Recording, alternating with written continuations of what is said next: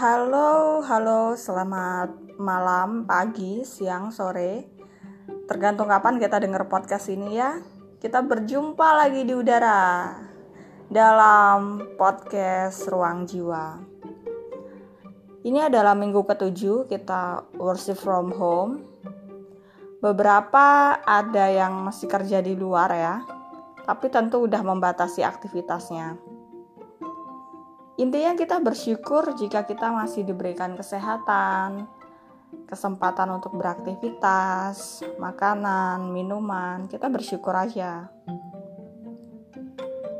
Nah, di episode kali ini aku mau bahas tentang sebuah sindrom yang sebenarnya nggak langka.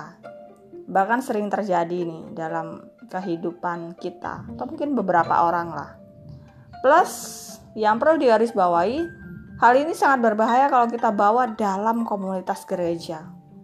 Wah, serius ini ya berarti.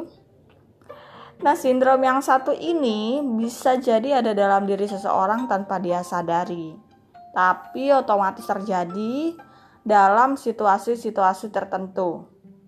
Nah, bagian Alkitab yang mau kita bahas ini ada dari Kejadian 16 ayat 1 sampai 6.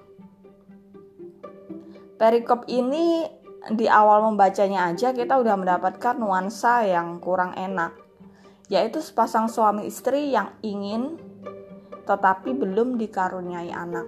Nah, ini perlu kita perjelas ya. Karena ada tentunya pasangan-pasangan sampai hari ini yang uh, sudah menikah tetapi belum ingin memiliki keturunan. Nah, itu juga ada. Nah, tapi dalam kisah ini nggak demikian karena Abraham dan Sarah mereka sudah menikah dan ingin punya anak tapi belum dikaruniai. Singkat cerita, atas ide cemerlangnya si Sarah, Abraham akhirnya punya anak dengan Hagar. Dikasih nama Ismail. Nah, Hagar karena tahu dia bisa memberikan keturunan buat Abraham, dia jadinya memandang rendah Sarah. Itu ada dalam ayat 4. Respon Sarah ada dalam ayat yang kelima. Itu bunyinya kayak gini. Penghinaan yang kuderita ini adalah tanggung jawabmu. Akulah yang memberikan hambaku ke pangkuanmu. Tetapi baru saja ia tahu bahwa ia mengandung, ia memandang rendah akan aku. Nah itu ada lanjutannya juga. Tuhan kiranya yang menjadi hakim antara aku dan engkau. Wow, pakai bawa-bawa Tuhan lagi ya. Serius nih. Itu omongannya Sarah ada dalam ayat yang kelima. Dan inilah sindrom Sarah yaitu dia play victim. Suka berasa korban padahal pelaku. Kemudian berujung dengan menimpakan kesalahannya pada orang lain. Bahkan kalau kita lihat tadi ya, dia pakai bawa-bawa Tuhan segala. Karena dia sangat yakin posisinya itu benar. Dia sangat yakin dia adalah korban dari situasi itu. Padahal dia adalah pelakunya. Nah Abraham salah nggak sih? Menurut kalian salah nggak? Menurutku salah juga. Karena harusnya kan dia ngingetin Sarah. Apalagi Abraham di dalam perikop yang sebelumnya udah dikatakan Tuhan dijanjiin kamu akan punya anak dari Sarah bukan perempuan lain.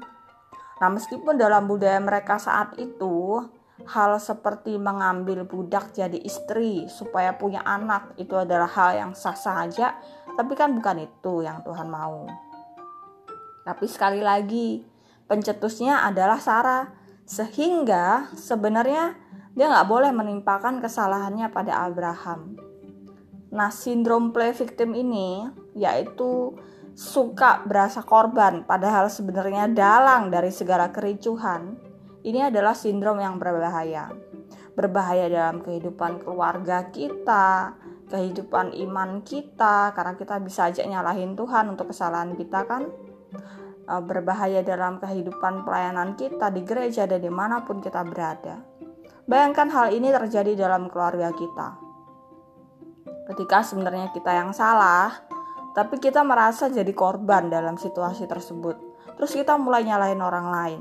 Akibatnya kan mungkin anak akan sakit hati kepada ayahnya, suami akan marah kepada istrinya, dan jadi keadaan tambah kacau. Nah, kita belajar untuk mengoreksi diri. Melakukan kesalahan itu bisa aja terjadi dalam kehidupan siapa aja. Nggak ada orang yang kebal dari kesalahan. Tapi jangan sampai kita merasa terus-menerus menjadi korban, terus nyalain orang lain. Grow up, bertumbuhlah. Sehingga kiranya kita bisa belajar mengoreksi diri kita. Nah, kiranya malam hari ini, pagi, siang, sore, dan kapan pun kita mendengarkan renungan ini bisa jadi berkat buat setiap kita. Stay strong, stay healthy. God bless you all.